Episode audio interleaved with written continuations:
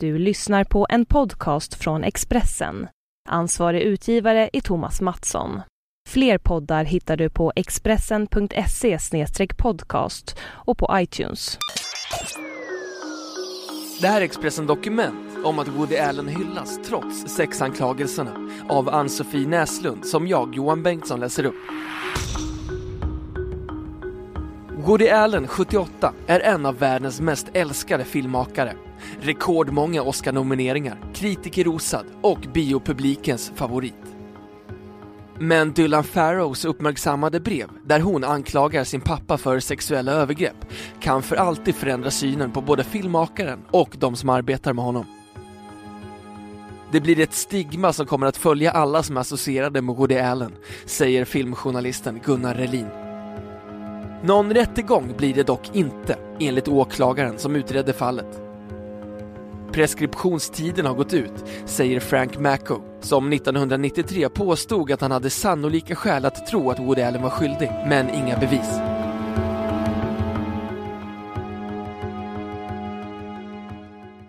Vilken är din favoritfilm av Woody Allen? Innan du svarar borde du veta det här. När jag var sju år tog Woody Allen mig i handen och ledde in mig i en dunkel, garderobsliknande vind på andra våningen i vårt hus. Han sa till mig att lägga mig på mage och leka med mina bröders elektroniska tågbana.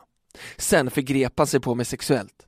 Han pratade med mig under hela tiden, viskade att jag var en duktig flicka, att detta var vår hemlighet, lovade att vi skulle åka till Paris och att jag skulle bli en stjärna i hans filmer. Jag minns att jag stirrade på leksakståget och fokuserade på hur det åkte i sin bana över vinden.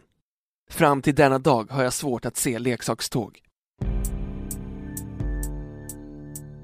Så börjar brevet som i helgen publicerades på New York Times kolumnist Nicholas Kristoffs blogg. I brevet fortsätter Dylan Farrow att berätta hur hela hennes barndom präglades av övergreppen. Att de hade pågått så länge att hon trodde att det var normalt och något som alla pappor gjorde med sina döttrar. Jag brukade gömma mig under sängen eller låsa in mig själv i badrummet, men han hittade mig alltid, skriver hon. När jag frågade min mamma om hennes pappa brukade göra samma sak med henne som Woody Allen gjorde med mig visste jag ärligt talat inte svaret. Och jag visste inte vad jag satte igång, skriver hon. Woody Allens stora genombrott kom 1977 med den romantiska komedin Annie Hall. Woody Allen skrev manuset, regisserade och spelade själv huvudrollen. För filmpubliken var det något helt nytt.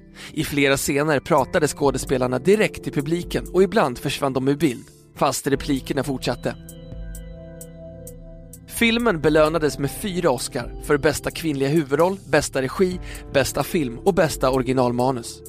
Woody Allen var dessutom nominerad till bästa manliga huvudroll. Sen dess har han snittat på en långfilm om året och fått ihop fler Oscar-nomineringar än någon annan. 15 gånger som manusförfattare, 7 gånger som regissör och en gång som skådespelare. För ett par veckor sedan hedrades han på Golden Globe med Cecil B. DeMille Award för sitt livsverk. Men eftersom Woody Allen inte är någon galaperson var det istället Diane Keaton som gick upp på scen och höll talet. Samma Diane Keaton som var Woody Allens flickvän i början av 70-talet. Den som inspirerade honom till Annie Hall och den som spelade hans kärlek i samma film och belönades med en Oscar. Talet var en lång hyllning till Woody Allen, hans relation till kvinnor. Hon säger bland annat att det inte är någon slump att 179 av världens mest fängslande kvinnliga skådespelare har valt att arbeta med Woody Allen, utan att det beror på sättet han gestaltar dem på. De kämpar, de älskar, de bryter ihop, de dominerar, de är bristfälliga. De är i själva verket ett kännetecken för Woodys arbete, säger hon. Talet väckte stor uppmärksamhet och många ifrågasatte både priset och Diane Keatons tal. Särskilt efter att Dylan Farrows mamma och Woody Allens ex Mia Farrows Twitterinlägg fått stor spridning i sociala medier. En kvinna har offentligt berättat hur Woody Allen ofredade henne vid sju års ålder. Golden Globe-hyllningen visade förakt för henne och alla andra som utsatts för övergrepp. Och det är just det här som Dylan Farrow inte kan förlika sig med. Att hennes pappa fortsätter att hyllas trots att alla vet vad hon anklagat honom för. I brevet vänder hon sig direkt till ett antal namngivna skådespelare och särskilt Diane Keaton. Du kände mig när jag var liten flicka, Diane. Har du glömt mig? Även Kate Blanket som spelar huvudrollen i Woody Allens senaste succé, Blue Jasmine, fick en Golden Globe för sin insats. Och hon omnämns. Tänk om det varit ditt barn, Kate, skriver Dylan Farrow. Det har uppenbarligen varit en lång och smärtsam situation för familjen och jag hoppas att de hittar en lösning och får ro, svarar skådespelaren i ett uttalande. Kate Blankets svar har både kritiserats och berömts. Hon antingen blundar eller vägrar ta ställning i en fråga hon inte vet något om, menar kritikerna. Andra, som skådespelaren Alec Baldwin, tar tydligt sin regissör i försvar. Vad är det för fel på er som tycker att alla måste kommentera en familjs privata kamp? Skriver han på Twitter och tillägger att USA är ett land där man har rätt till en rättvis rättegång innan man döms ut. Den 2 mars är det dags för nästa Oscargala. Woody Allen är nominerad med filmen Blue Jasmine för bästa manus och Kate Blanket är favorittippad som bästa kvinnliga skådespelare. Frågan är vad som händer då. Har brevet förändrat något eller kommer Woody Allen att hyllas som vanligt? Marit Koskinen, professor i filmvetenskap vid Stockholms universitet, tidigare filmkritiker och före detta medlem av Guldbaggejuryn, beskriver det som en klassisk fråga. Alla fascineras av skillnaden mellan å ena sidan upphovsmannen, för det är ofta en man, och det han levererar, och å andra sidan hur liten han kan vara som person. Jag säger ingenting om skuldfrågan, men det här har vi haft anledning till att diskutera förut. Hon nämner den stora norska författaren Knut Hamsun som sympatiserade med Nazityskland och kanske det mest kända fallet. Filmskaparen Roman Polanski som erkände att han hade sex med en 13-årig flicka och flydde från USA för att undvika rättsliga påföljder. Polanski fortsatte sedan att prisas för sina filmer, bland annat Pianisten från 2002 som fick tre Oscar. Kan man fortsätta att hylla en sån person eller borde man bojkotta? Det är knepigt. Polanski erkände, men sa att flickan sagt att hon var äldre och såg äldre ut. Måste jag dissa hans filmer? Upplevelsen blir ju oundvikligen grumlad. Man slås av att den här människan borde ha större insikt. Han verkar ju så insiktsfull om mänskligt beteende, säger hon.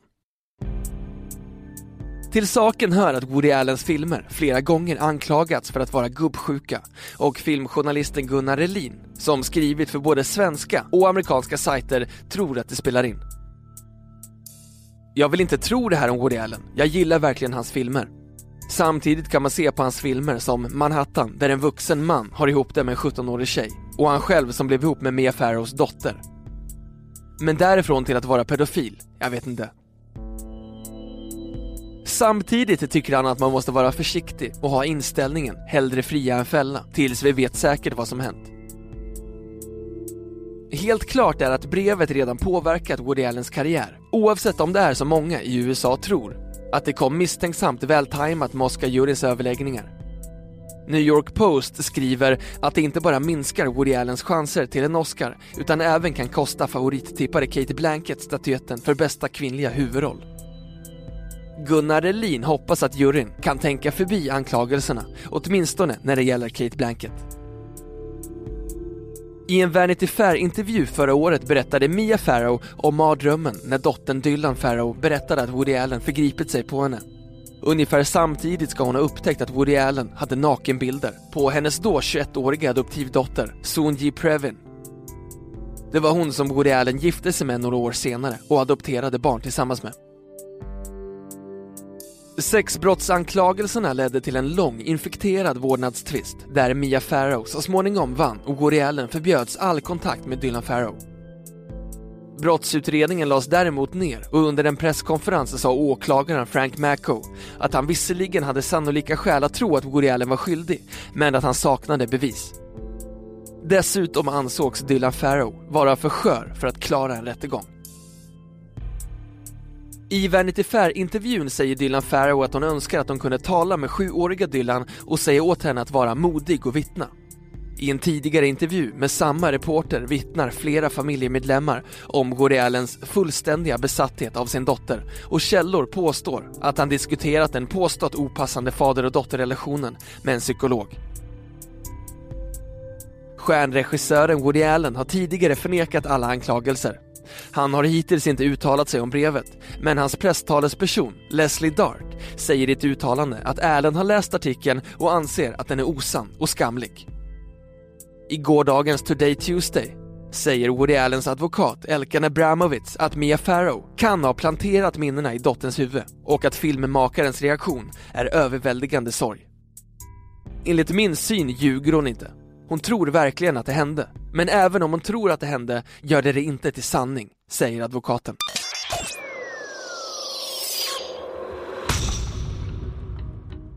Du har lyssnat på en podcast från Expressen. Ansvarig utgivare är Thomas Mattsson. Fler poddar finns på Expressen.se och på iTunes.